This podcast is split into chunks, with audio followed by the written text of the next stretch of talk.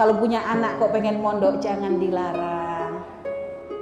Ibu sendiri, jangan pengen anak tuh dikekepin deket tiapnya terus. Tapi pisah nih, pisah sesaat. Coba jadi kayak ibunya Imam Syafi'i. Ibunya Imam Syafi'i itu apa? Ngelepas anaknya cari ilmu. Pesannya apa nak? Demi Allah, ibu gak berharap bertemu kamu lagi di dunia, tapi ibu berharap kita nanti bisa ketemu di surga. Itu dong, janjian sama anak kita di surga.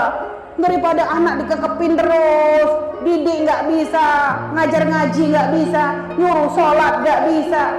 Akhirnya anak kita rusak baru bingung. Jangan dipikir yang kumpul di dunia akan selalu kumpul di akhirat. Belum tentu.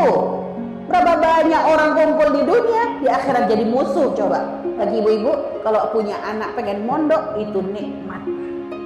Mulai ada orang suruh mondok anaknya kejer-kejer nangis kok.